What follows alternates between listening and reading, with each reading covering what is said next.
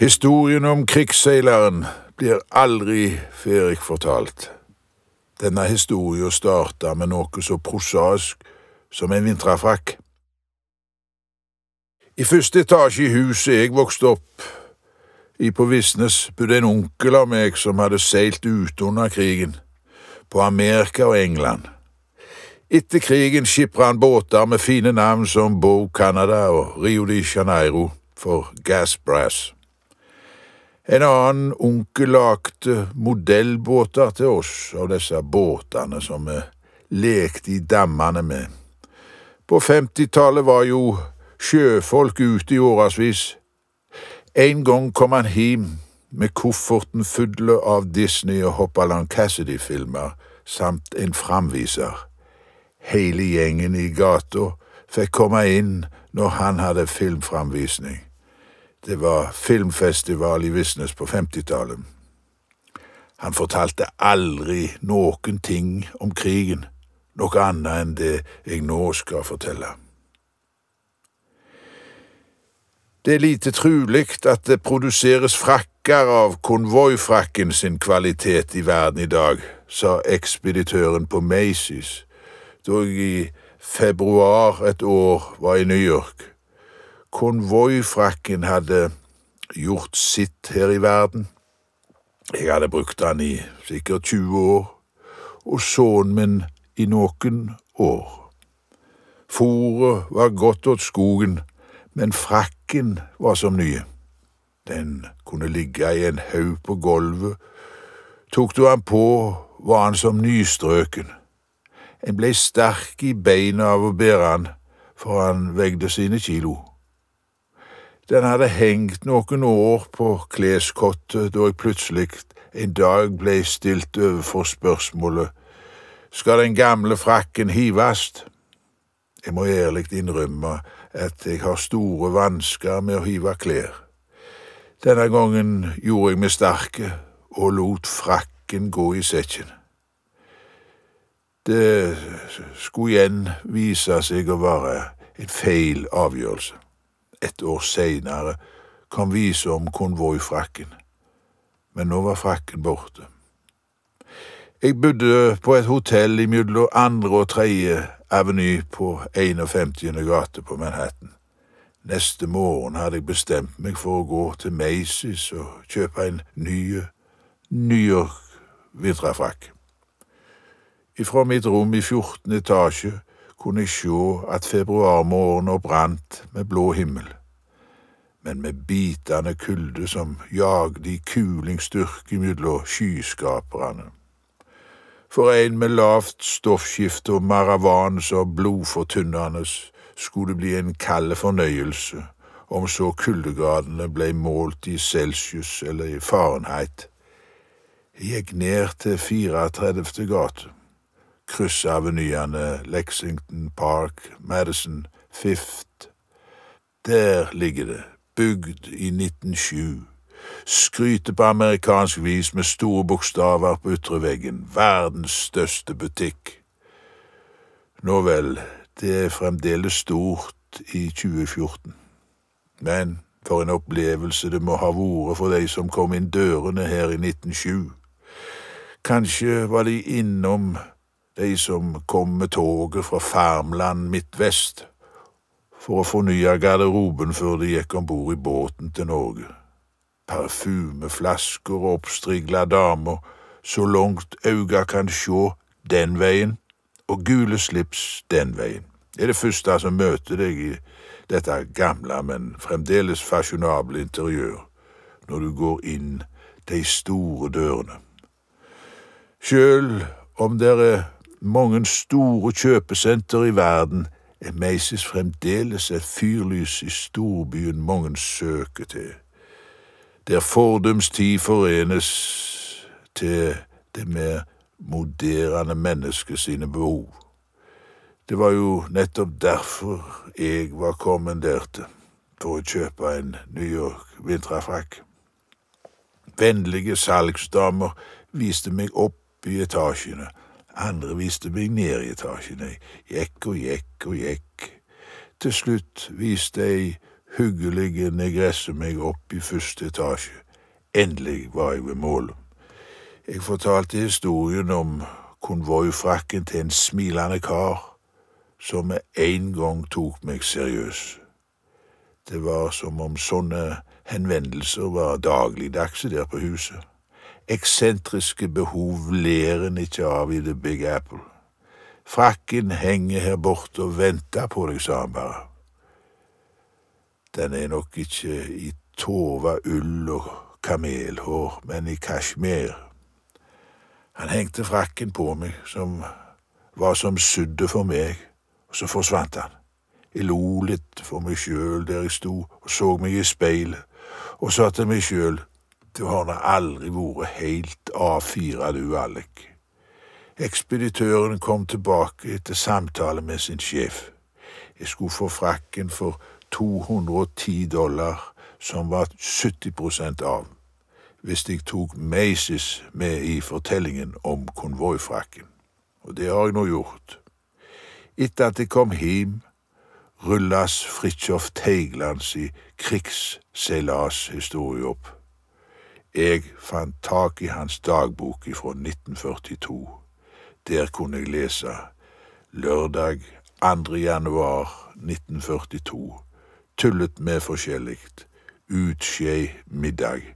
Var i land og handlet en vinterfrakk. Og siden på Tønnehålet hadde en fin stund. Notos til Valdemar Skogland er fordøyd ut av 17. gate i Brooklyn. 17. januar går de med ei sprengstofflast til Bermuda. Notos av Haugesund ligger i New York, på Brooklyn-sida. De har vært i tørrdokk og fortødde ut av 17. gate. Det er 2. januar i 1942. Det er bitende kaldt på land, og ikke mye bedre om bord nå når kjelene slukte. Fridtjof går i land lørdag. Nå hadde han frosset nok i denne beinkalde byen. Derfor går han og kjøper en New York vinterfrakk. Båten ligger fremdeles for reparasjon. Hva slags skader som utbedres, vet jeg ikke, men båten var nok ikke i så god forfatning. Etter neste en tur som gikk til Bermuda, Guyana, Trinidad, Barbados, Boston, er Notas tilstand så dårlig at rederiet var usikker på hva som skulle gjøres med båten, derfor ble hele mannskap avmønstra. Turen til Bermuda var med i last sprengstoff og annet stykkgods, og de gikk ut ifra New York den 17. februar. Dagboka sier laster et parti sprengstoff. Gikk klokka 14 til sjøs. Alt blackout da det har vært torpedering utforbi. Fikk utdelt redningsdrakt. Kaldt og klart.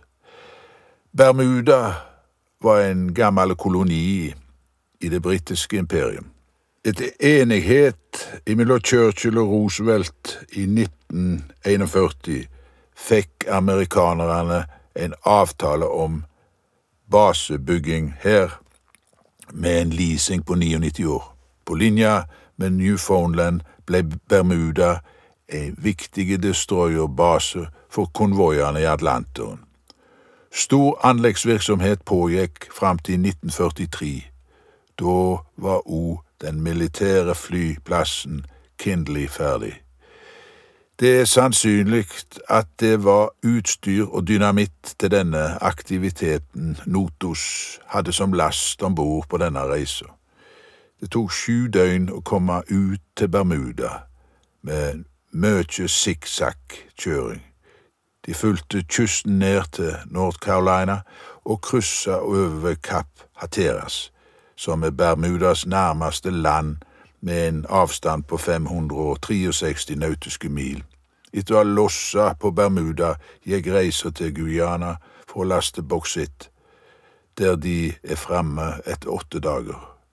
Ferdig lasta går de for Port of Spain på Trinidad og er framme etter et halvt annet døgn. Tar bunkers og litt stykkgods.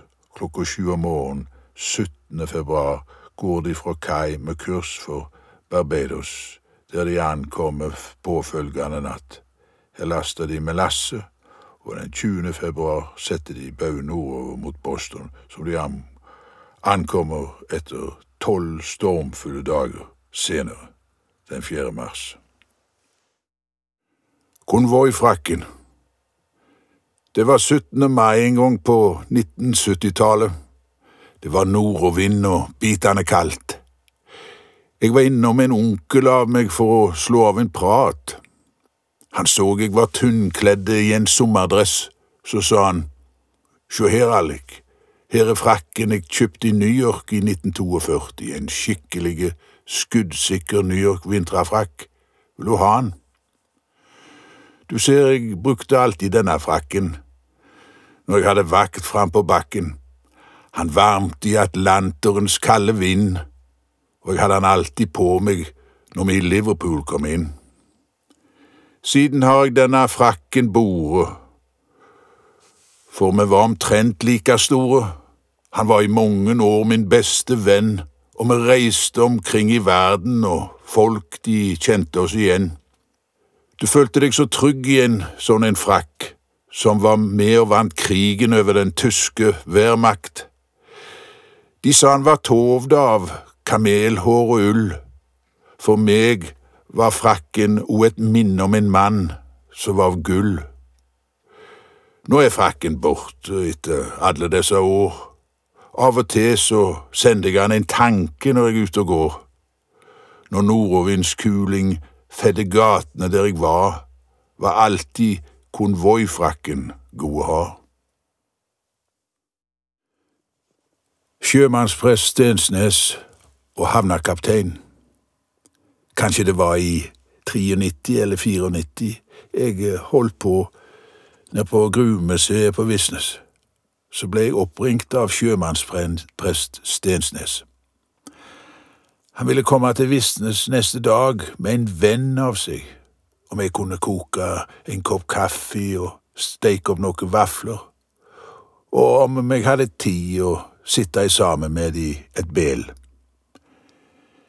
Neste dag kom de i den gamle grønne Volvoen. Stensnes var jo i mange år sjømannsprest i San Pedro havnebyen til Los Angeles.